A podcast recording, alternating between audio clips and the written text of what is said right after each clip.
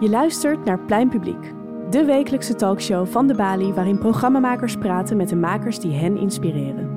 Van cabaretiers tot schrijvers en van wetenschappers tot activisten. In deze aflevering gaat programmamaker Katarina Schul in gesprek met Victoria Koblenko. Katarina volgt Victoria al lang en heeft gezien hoezeer haar leven veranderd is door de oorlog in Oekraïne. Wat doet het met Victoria Koblenko nu haar geboorteland al ruim een jaar in oorlog is? Victoria Koblenko is geboren in Oekraïne en kwam op haar twaalfde naar Nederland. Ze studeerde politicologie aan de Universiteit Leiden en werd bekend als acteur en presentator in Nederland en Rusland. In Nederland is ze bekend van Goede Tijden, Slechte Tijden, Spuiten en Slikken, Ik Wist Het en Flikken Maastricht. Sinds de invasie van Oekraïne zet ze zich onvermoeibaar in voor de situatie in het oosten. Onlangs haalde ze met haar actie Verlicht Oekraïne meer dan een half miljoen euro op. Een gesprek over oorlog, activisme en woede.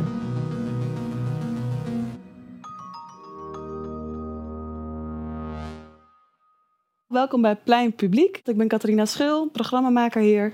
En mijn gast is Victoria Koblenko. Mag ik alvast een warme applaus voor haar?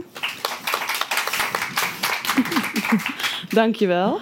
Fijn dat je er bent, dat ten eerste. Het is echt zo anders dan anders, omdat ehm, ik zie ook allemaal hele beleefde mensen hun telefoons uitzetten, wat we komende uur dus ook niet meer gaan gebruiken. En mijn lichaam reageert daar heel heftig op omdat ik echt uh, het afgelopen jaar vast zit aan mijn telefoon.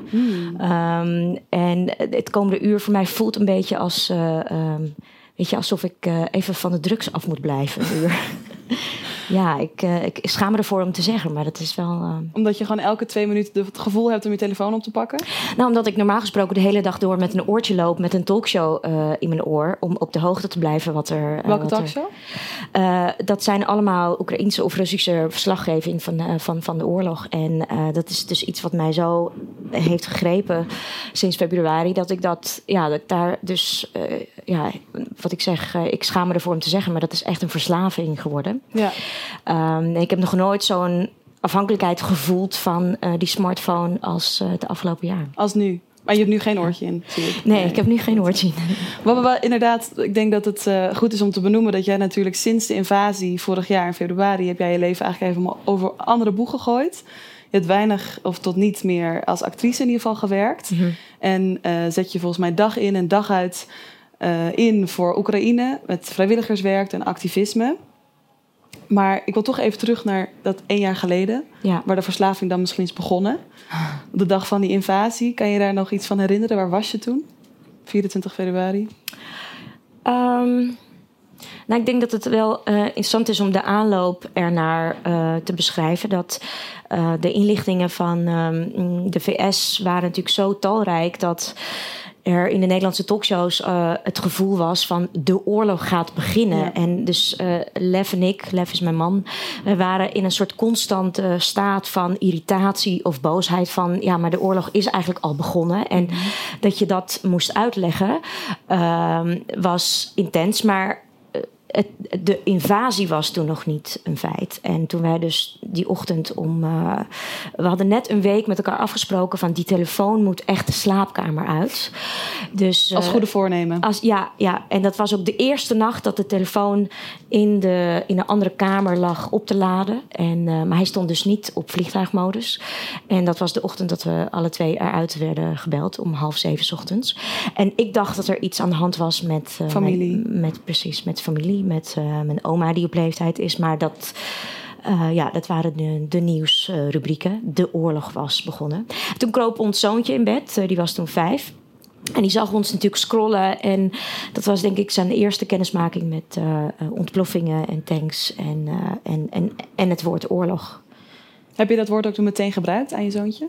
Ja, ja, en dat, uh, uh, ja, dat kan ik tot op de dag van vandaag niet, uh, niet goed uitleggen. En dus weet je, als je aan, aan een zesjarige om de zoveel dagen zaken moet uitleggen die volwassenen eigenlijk niet eens snappen. Om een voorbeeld te noemen. Um, wij kwamen laatst bij een event een uh, soldaat tegen uit Oekraïne die een arm en een been miste en in Nederland is. En mijn zoontje wees met zijn vinger ernaar en ik geneerde me als moeder zo'n moment dat je eigenlijk wil dat je kind niet wijst, maar vragen stelt erover. En toen zei hij, maar wist hij dan niet dat het gevaarlijk was op de oorlog? En nou, dat heb ik uitgelegd waarom mannen verdedigen. En toen zei hij, maar waarom alleen mannen? En weet je, dat is zo'n vraag waar ik zelfs als volwassen, volwassene heel moeilijk antwoord op kan uh, formuleren. Uh, ja, in, in Israël natuurlijk ook alleen vrouwen, maar over het algemeen in de rest van de wereld zijn het over het algemeen mannen. En ja. ik, um, ik vul dit natuurlijk in, maar ik denk van zijn dit dan de momenten dat er in zo'n kleine geest de angsten nestelen van hoe verhoud ik me dan als een mens tot de masculiniteit en tot wat de maatschappij van mij verwacht in een, uh, ja, in, in een maatschappij? Ja, dat snap ik. Dat, dat zijn van die grote vragen die je met kunst of met werk wat je hoopt te maken, waar je misschien ooit ja. aan toe komt om daar antwoord op te geven. Ja, en betrekken jullie, want ik weet bijvoorbeeld dat jij uh, en je man nu bijvoorbeeld ook een die enorme inzamelingsactie zijn gestart. Voor de mensen die dat niet weten, dat heet Verlicht Oekraïne. Uh, daar hebben jullie nu al bijna, nee, meer dan een miljoen, uh, half miljoen euro mee ingezameld om generatoren op te halen. Hier is een klein voorbeeld. Ver, verbind je ook een beetje je zoontje daaraan? Nemen jullie dat mee als familie of is dat meer iets van jullie twee? Um, nou, hij, hij, heeft geen idee hoe, uh, hoe de inzameling werkt. Nee. Maar hij ziet natuurlijk dat er twee mensen bij ons in huis wonen al een jaar. Ja. En dat hij zijn eigen space en wij onze space moeten delen. Ja, want jullie hebben twee uh, vluchtelingen in huis genomen. Ja, een daarvan is, is verre familie en uh, een ander, een andere man is, is dat niet. En ja, voor hem is dat, weet je, voor zover een kleuter dat bewust meemaakt. Um, zijn dat voor ons dus signalen waardoor we dat niet uit kunnen zetten. Ja. Dus uh, uh, als um, de tante van Lef een telefoontje krijgt, of als ze dat de afgelopen zes maanden eigenlijk niet krijgt, omdat wij geen contact uh, hebben kunnen leggen met haar familie, dan is ze in een bepaalde staat. En kinderen zijn in een in dat energieveld, dat pikken ze gewoon op. Dat is een, uh, ja, weet je, alsof ze op de wifi zijn aangesloten. Die, die pikken dat op. Dus ja. op die manier merk ik dat dat, dat, uh, dat, dat invloed heeft. Voor dit gesprek heb ik jou gevraagd om wat inspiratiebronnen mee te nemen van dingen die jou nu inspireren in alle acties en gesprekken die je doet. Ja. Je hebt uh, meerdere dingen opges uh, opge opgestuurd aan mij. Die maar ze hebben één ding gemeen. die hebben zeker één ding gemeen. En ik, elk een ding dat ze gemeen hebben, dat ze allemaal in het Russisch waren. Dus ik ga je zeker vragen om iets te uh, vertalen. Maar laten we beginnen met de poster met die opdruk. Als die even ingestart kan worden als deze, kan je vertellen wat hierop staat? Houd mij alsjeblieft aan als jij tegen de oorlog bent. Uh, en dan, dan staat er onder uh, speciale militaire operatie is een zinloos en een genadeloze oorlog. Uh, of de, ja, dus de speciale militaire operatie is zinloos en genadeloos. En dit is een van de pogingen die een Russisch staatsburger doet om de, de vrijheid als burger op te zoeken zonder opgepakt te worden om veroordeeld te worden uh, tot uh, minstens 8 tot 15 jaar cel. Want dit is een velletje? Een uh, dit is een poster ja. en het is een screenshot van een poster ja. waarmee iemand de straat op is gegaan. In de hoop dat de mensen die hem gaan oppakken, de politie, weet je, om daarmee een soort um, flashmob te genereren omdat um, de Russen die tegen de oorlog zijn, natuurlijk ook wel weten dat de politie. dat daar ongetwijfeld ook een groot percentage mensen onder moet zitten. wat ook tegen de oorlog is, maar wat wel in functie uh, mensen moeten ontruimen. En um, ja, ik, ik, heb natuurlijk ontzettend veel respect. Uh, er zullen nu ongelooflijk veel Oekraïners boos op mij worden dat ik Russische voorbeelden neem die mij inspireren. Maar. Um, gek genoeg maak ik me niet zozeer zorgen om Oekraïne. Uh, on, ondanks uh, dat zij degene zijn die in de slachtofferpositie zitten. Ik maak me echt zorgen om Rusland. Uh, Waarom maak je je meer zorgen over Rusland dan? Omdat, omdat er in een veel groter land een, die onder de propagandajuk moet leven en zich aan de ene kant moet ontworstelen aan ja, het juk van het verleden. En dus ook op op een nieuwe manier moet uitzien te vinden. Wat is eigenlijk ons toekomstperspectief uh, en koers? En dat is veel lastiger dan Oekraïne. Weet je, Oekraïne heeft uh, uh, in begin jaren 2010 al uitgevonden welke koers zij graag willen uitgaan. En dat gaat niet van een leien dakje. maar de oorlog heeft er wel aan bijgedragen dat er veel meer unanimiteit is in de koers die zij willen varen. En die eenheid natuurlijk En ook die land. eenheid mist in Rusland. En er zijn zoveel volkeren ehm, in een hiërarchie van Rusland die Ja. nog dat pad moeten bewandelen. Dus Ja. ik voorzie wel dat eh, de nabije toekomst van Rusland een is van eh, ja, uiteenvallen. Eh, langs ethische grenzen, racistische grenzen, economische grenzen, man-vrouw grenzen. En dat is. eh, Best wel een pessimistische vooruitblik. eh, Of misschien juist heel optimistisch. nou, ik, ik, ik hoop. Kijk, je moet op. You have to hit rock bottom. om weer. en ik denk dat dat ook mist. ehm, waarom Rusland nu verzeild is geraakt in deze situatie. Waarom er zo'n klein aantal mensen de straat op durft te gaan. Is omdat. En nu, maak ik- nu maak ik echt hele korte bochten, maar we hebben maar 45 minuten. Maar Kijk, op het moment eh, wat je in Duitsland ziet, is dat er op een gegeven moment een, een collectief gevoel is geweest. Oké, we hebben het Hitlerregime gehad, daar nemen we afstand van. En wij regenereren ons land. We geven dat een andere, andere koers. En daar is heel het land min of meer onder gaan staan met schouders eronder. Ehm, wat er tussen de jaren 20 en de jaren 50 in eh, Rusland en de Sovjet-Unie is gebeurd. Eh, er zijn nog steeds mensen in Rusland die Stalin een held vinden. Dus dat hele collectieve gevoel van wij moeten door de pijn heen en we moeten erkennen dat Stalin eigenlijk niet iemand is geweest die orde op zaken heeft gesteld. En toch zijn er nog steeds 80, 90 en 100-jarige vrouwtjes die zeggen: ja, hij was misschien geen lievertje, maar er was tenminste orde. En ja, dat is geen, eh, dat is geen voedingsbodem om een gezonde natie op te bouwen, denk ik. En even teruggaan naar die poster, want dan vraag ik me wel, waarom heb je dan deze poster uitgekozen? Want het is best wel een kleine, hè, kleine, klein, een klein velletje wat mensen dus kunnen meenemen. Wat, wat vind jij hier dan zo, eh, wat, wat, wat raakt jou hier dan aan? Ehm, wat mij raakt is dat, ehm, eh, dat het een hele kleine geste van burgerschap is. Waarbij ehm, een inwoner van Rusland aan de andere kant ook een burger is. En heel weinig instrumenten heeft om zijn burgerschap in te oefenen. Omdat dat burgerschap hetgene is wat het eh, Poetin-regime afgelopen 24 jaar kapot heeft willen maken. Dus het, sociale pact of het sociale akkoord, wat, eh, ehm, wat de afgelopen 24 jaar gesmeed is, eh, sinds Poetin aan de macht kwam, is. ehm, Poetin heeft economisch heel erg veel betekend voor eh, de middenklasse. En de mensen die de jaren negentig eh, zich nog kunnen herinneren, wanneer je dus echt letterlijk in de rij moest staan voor alles. Ik kan me nog herinneren, voordat wij naar Nederland vertrokken, dat als er een rij stond en mijn moeder haalde mij van school, van muziekles, het maakte niet uit, we wisten niet waarvoor die rij was, maar we gingen maar in de rij staan voor de zekerheid dat er iets nuttigs te koop was.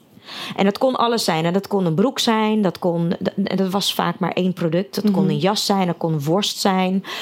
En dat is, eh, dat is heel moeilijk uitleggen aan, eh, eh, aan jullie in Nederland. Waar, weet je, ook de generatie voor jou is gewoon opgegroeid met dat er winkels vol waren met van alles. Misschien niet zo vol als nu.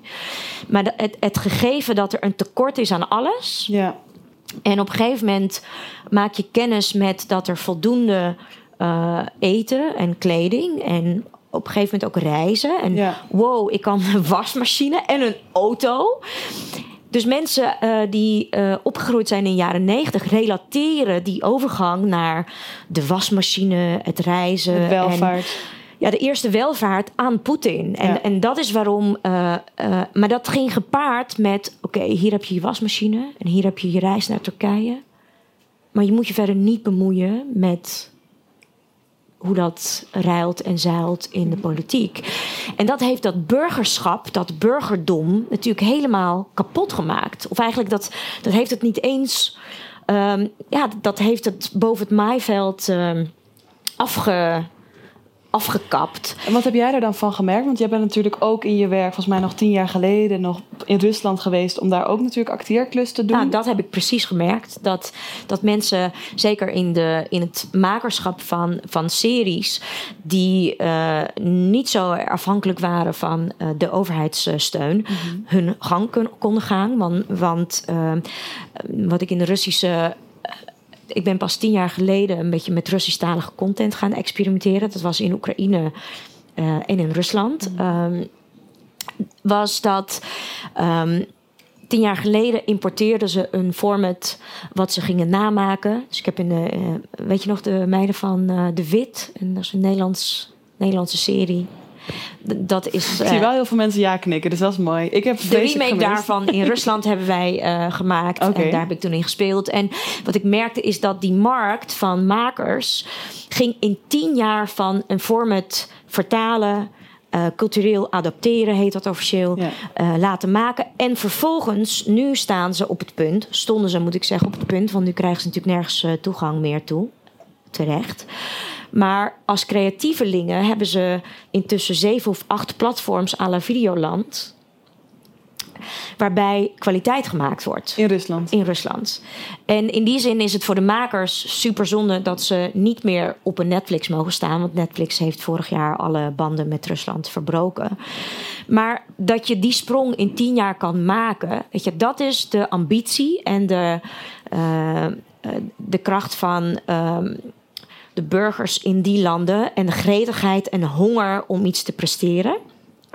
En dat is ook het pact met aan de andere kant mensen die wel het overheidsbudget hebben gebruikt. Ja. En wel de mensen die dan over de vloer kwamen, die zeiden: ja, je hebt nu overheid, je mag niet hebben over. Je weet wel. En dat is natuurlijk het pact met de duivel, die sommige mensen wel hebben gemaakt. Was er dan meer geld in? Um, nou, ja, ik denk het wel. Ja, ja ik denk het wel. Je hebt nog een voorbeeld meegenomen. Laten we daar ook even naar kijken, want dat hangt er natuurlijk helemaal mee samen. Uh, dat is van een foto met een baby. Nee, die andere, niet het filmpje wil ik zo heen. Ja, deze. Um, wat, sta, wat staat hier? Ja, wij zien een, uh, een vrouw met een poster. Met een man die een granaat vasthoudt, alsof het een baby is. Met een, uh, een piesteken. Nou, daarvoor hoef ik nog niks te vertalen. Maar wat erboven staat is belangrijk. En er staat baar lekker zelf. En dat moet ik even uitleggen, omdat, uh, omdat er. Uh, de Tweede Wereldoorlog heeft voor de um, bevolking van dat hele post-Sovjet-Unie gebied, dus niet alleen Rusland, ook Oekraïne, ook Wit-Rusland, Georgië, al die post-Sovjet-staten. Dat heeft een demografische ellende waar je u tegen zegt uh, opgeleverd. Mm -hmm. um, we weten niet precies hoeveel mensen er zijn uh, overleden in de Tweede Wereldoorlog vanuit de kant van de Sovjet-Unie. Maar de schatting is tussen de 10 en de, en de 25 miljoen mensen. Mm. Dat waren over het algemeen mannen. Mm. Dus in de demografie is er een, een hele grote um, vertekening. Waardoor de vrouwen zich heel anders zijn gaan gedragen tegen de mannelijke bevolking. Omdat je gewoon moest concurreren als vrouw om een man te krijgen. Mm -hmm. Dus dat heeft voor, weet je, in de sociologie, als je, als je die verhalen hoort, heeft dat een hoop um, uh, ja, vertekeningen opgeleverd in, in, in de maatschappij. En er werd in de jaren 50 en 60 uh, en vanaf de jaren 40 werd er gezegd: maakt niet uit, stuur die, stuur die mannen maar lekker naar het front. De wijven baren nieuwe. Dus dat is een beetje in het kort grof vertaald hoe er gekeken werd naar de mannen die naar het front gestuurd werden. Dat, dat was gewoon. Uh, weet je, dat waren geen burgers, dat waren geen mensen, dat was gewoon vlees. Kanonnenvoer. Kanonnenvoer.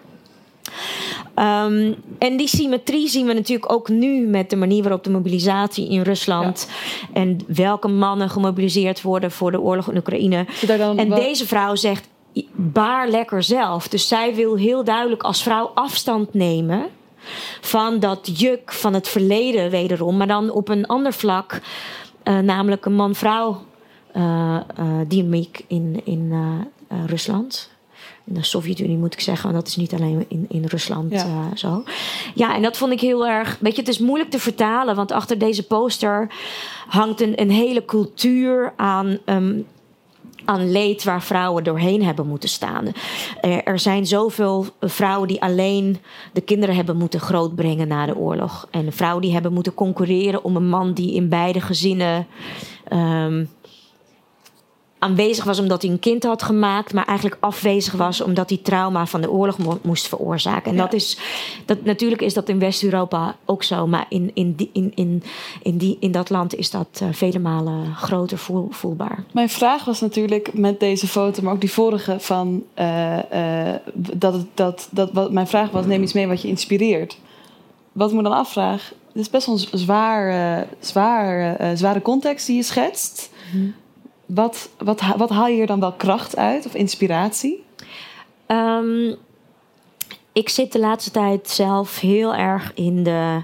eh, zonder woe-woe te klinken, heel erg in de vrouwenenergie en wat voor ontzettende oerkracht dat is. En in hoeverre wij, eh, ik, eh, afgelopen jaren in het makerschap in de maatschappij mezelf eigenlijk in een soort masculine overlevingsstrategie heb gevoeld van ja, ik wil eigenlijk meedoen en ik ben eigenlijk even sterk en, en eh, laat mij gewoon meedoen, weet je, die, die energie en, en het totaal eh, afgeknipt van eh, wat mij eigenlijk ik maakt en ja, dat is een hele andere energie. En ik ben heel vroeg in de overgang gekomen en ik ben de afgelopen tien jaar bezig geweest met eh erachter komen van, maar dat is vast niet zomaar. En hoe komt dat dat ik.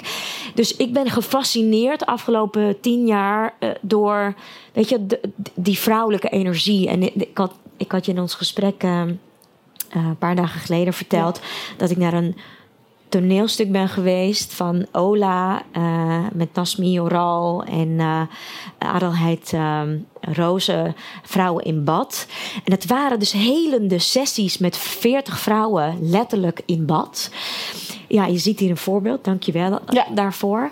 En ehm, ja, waarbij vrouwen met elkaar een stukje gingen helen van wat er geheeld moest worden. En soms was het een heel erg donker stuk over eh, de schaduwzijde van ons en de, die masculine energie en de boosheid. En vaak komt die boosheid ergens vandaan. En het is denk ik aan ons allen eh, taak en huiswerk om uit te zoeken van wat ik dan voel in mijn afreageren in de supermarkt als iemand voordringt. Is dat oude energie. Waar ik dus eh, boosheid voor moet opruimen. Waar ik voor misschien naar de psycholoog moet. Of is dat nieuwe energie. Dus, dus witte woede. Die creërend kan zijn. Waar poëzie uit voor kan komen. Of die ik kan inzetten om iets te maken. En wat je dan kan maken is. Weet je, voor elk van ons verschillend. Dat kan een toneelstuk zijn. Dat kan Ja. een, eh, maar dat kan ook een lekker gerecht zijn voor, Ja. voor je ook- gezin. Whatever. Maar dat was voor mij zo'n ontzettend diep inzicht. En als ik dan die eh, Russische vrouw zie met zo'n poster, denk ik. Ja, dat is haar terrein waarbij ze ruimte probeert te maken voor een. eh, een Dat is eigenlijk haar witte woede. exact. Haar Ja, nieuwe woede waar ze kracht uit probeert te putten. ja, Wat een mooi bruggetje. Maar ik weet niet zeker of dat, of dat de zwarte of Nee. witte woede is. Maar ik denk dat dat, ons dat, dat voor ons vrouwen eh, onze taak is. Dat we ook dat kunnen verteren en vertalen. Dus dat we dat oude in ons lichaam kunnen verteren. Ehm, Daar ben jij nu volgens mij eh, ook wel mee bezig. Tenminste, dat, dat, zo, dat lijkt, zo, dat observeer ik een beetje aan je. Maar waar ik dan wel in eerste instantie het meest nieuwsgierig naar ben, is op wie jij dan nu zo woedend bent. Ah, dat vind ik een hele goede, doch een moeilijke vraag.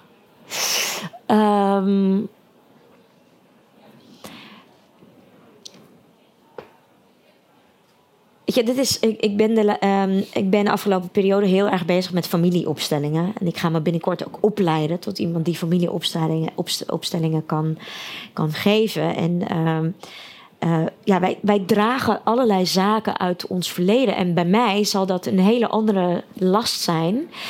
eh, dan, eh, dan bij jou. En ik denk dat ik ben geboren in, in Vinnytsa. Dat is een stad in midden-Oekraïne. Waar dus in de Tweede Wereldoorlog een, een heleboel Joden levend zijn begraven in het park. En mijn, de, de zus van mijn oma kon mij dat nog letterlijk navertellen. Dat, dat ze langs het park liep en dat ze de aarde zag bewegen. En dat, weet je, ik kon dat toen helemaal niet. Ik dacht dat zij. eh, als, als al jong volwassene kon ik daar nooit wat mee. En intussen ben ik op leeftijd dat ik dat kan voelen.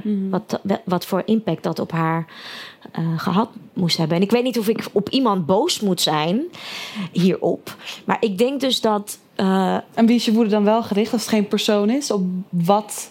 Nou ja, ik denk? Ik, ik denk niet dat, dat het zin heeft om die woede op iemand te richten. Ik denk dat je die woede moet richten op papier met een, eh, weet je, met eh, of papier met een kwast of papier met een pen of, eh, of een camera. Ehm, en dat je op zoek moet gaan hoe je die woede uiting kan geven. In plaats van dat je eh, iemand bij het stoplicht eh verrot scheldt omdat, omdat hij je rechts inhaalt. En, alsof- vaak, en vaak is dat dus hetgene waar, wat wij ons laten gebeuren. En ik denk dat je in, in jezelf. Ik zou willen. En daar ben ik dus mee bezig. Dat ik in mezelf een systeem aan het creëren ben. waarbij ik dat kan afvangen.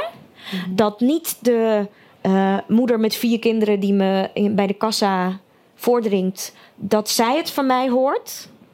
In de woede. Of iemand die me rechts afsnijdt. Maar dat het papier of eh, de camera. dat ik het daarin kan geven. En lukt dat een beetje om die woede te beheersen? Ja, eh, ja. er zijn een hoop zaadjes eh, geplant. Een hoop boeken afge- ik- eh, afgelopen jaren waarover gesprekken zijn geweest. En een hoop programma's waar ik hopelijk eh, tijd, komende tijd die ik kan gaan baren. Uit die woede. Dat is een, daar, ben ik nu wel, daar mag je misschien nog niks over zeggen. Nee, Ah ja.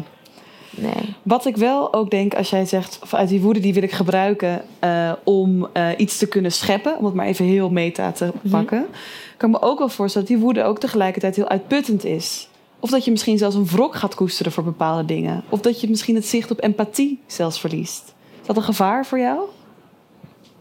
Nee, niet hoe ik nu in het leven sta. Ik weet dat- dat je misschien ook een beetje refereert aan de vraag van eh, Stefano, eh, die vorige week is gesteld. Eh, Ja, ook. ja. Ehm, ja, De vraag van, vraag voordat je nu meteen antwoord geeft, anders voor de mensen die het hadden gemist. Wij doen in deze serie altijd een kettingvraag. En de vraag die aan jou is gesteld door Stefano Keizers, die linkt eigenlijk aan wat ik je nu vraag.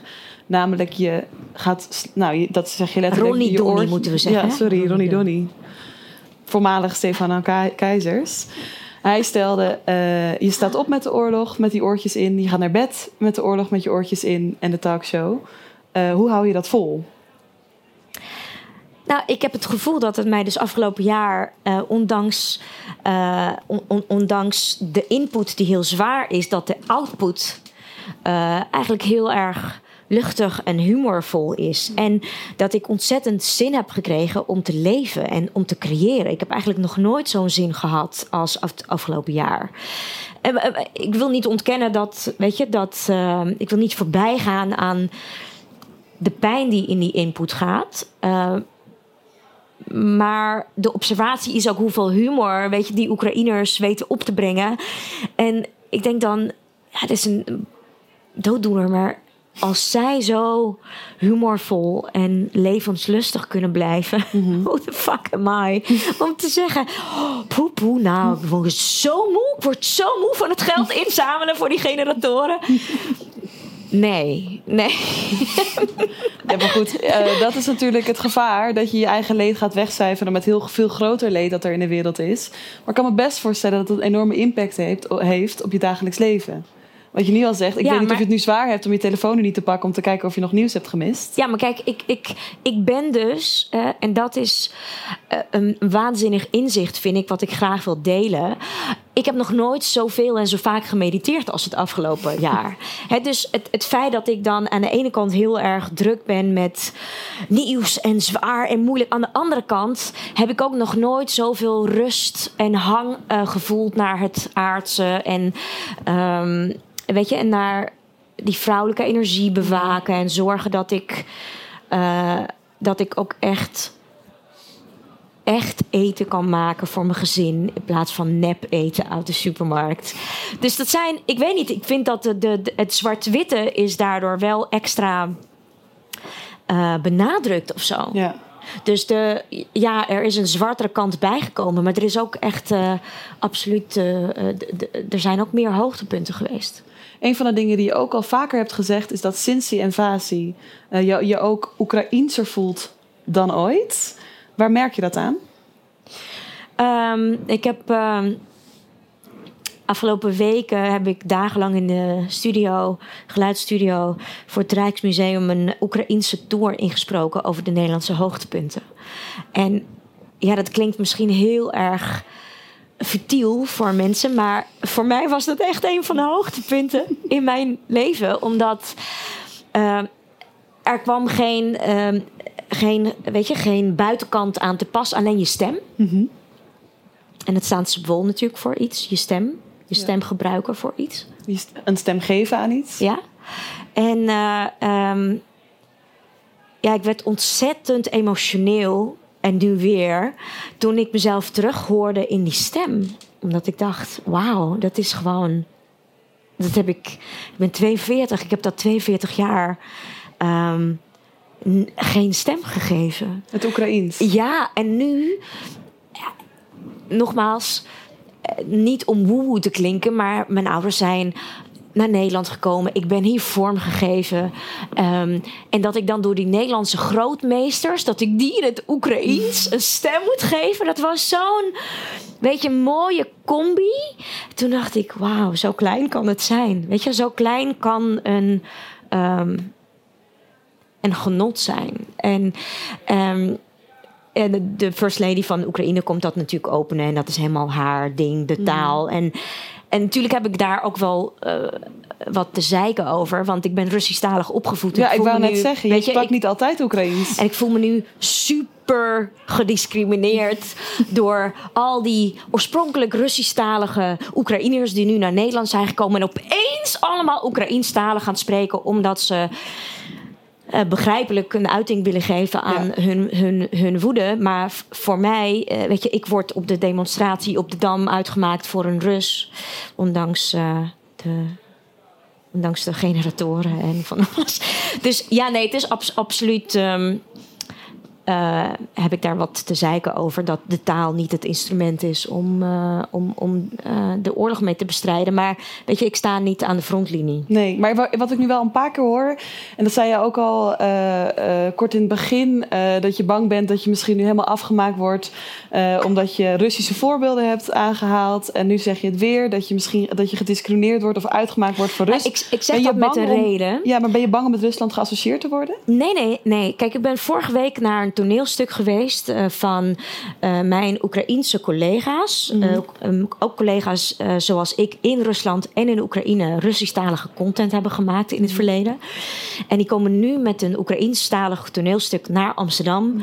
En er wordt een Russisch gedicht voorgedragen. En er zijn mensen die weglopen en de deur dichtsmijten.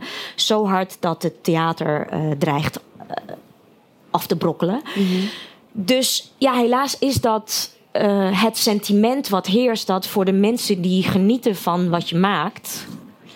Uh, moet je van tevoren allerlei disclaimers zeggen. Ja, nee, nee, maar. Er is ook een klein stukje in het Russisch. Uh, ja, wat natuurlijk gewoon idioot is. Want in, in Zwitserland hebben ze ook drie talen. En in, weet je, in Vlaanderen zijn er ook mensen die geen Frans spreken of geen Vlaams. Maar jij bent zelf ook meer Oekraïens gaan praten. Dus je doet het zelf natuurlijk ook een beetje. Um, die ja, aanpassing. Maar ik, ik, ik, ik ben dol op taal. Dus weet je, je doet mij geen grote plezier dan gewoon lekker gaan hè, Duolingo aan een taal. En, nee, nee, ik, heb je Oekraïens geleerd? Ik heb, een, ik heb een levende Duolingo die bij me over de vloer komt.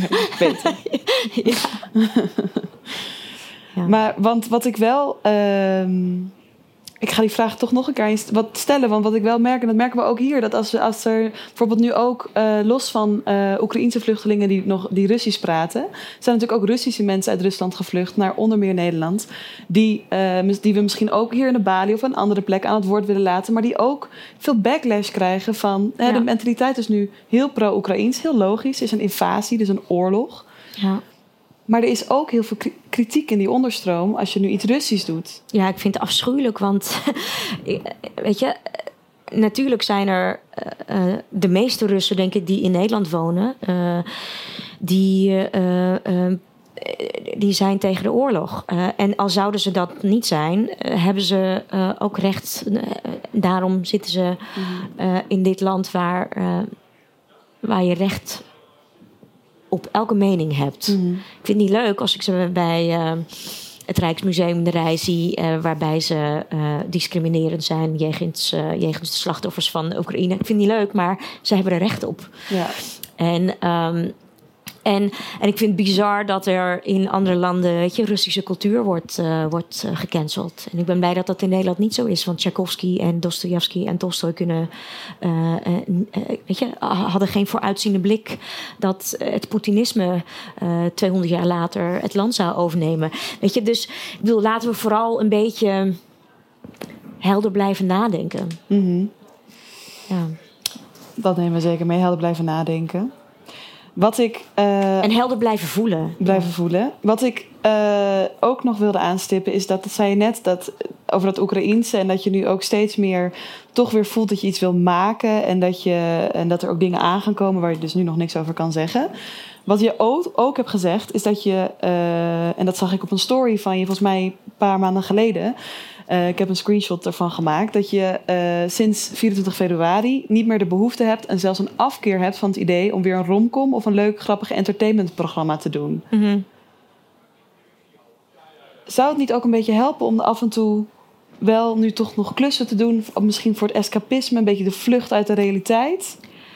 Um, um, nou, toevallig heb ik dat eergisteren gedaan. Oh. ja, ja, ja. Toevallig heb ik eergisteren iets gedaan wat, ik, uh, wat mij heel erg veel lol heeft uh, bezorgd. En een, een, een hoop humor. Ja, nee, ja, ja. Dat zou wel helpen. Ja, dat, uh, ja. Want heb je die afkeer ook wel eens eerder gehad of voor de invasie? Dat je dacht, nou, ik heb even geen zin om al deze... Niet dat je alleen maar luchtige dingen hebt gedaan, maar natuurlijk wel wat. Maar dat is, weet je, dat is mijn acteurschap is. Ik heb een haat-liefde verhouding met mijn acteurschap. En het aantal keer dat ik uh, gedacht heb in mijn leven: ik ga nooit meer iets doen. dat aantal is best wel uh, uh, groot.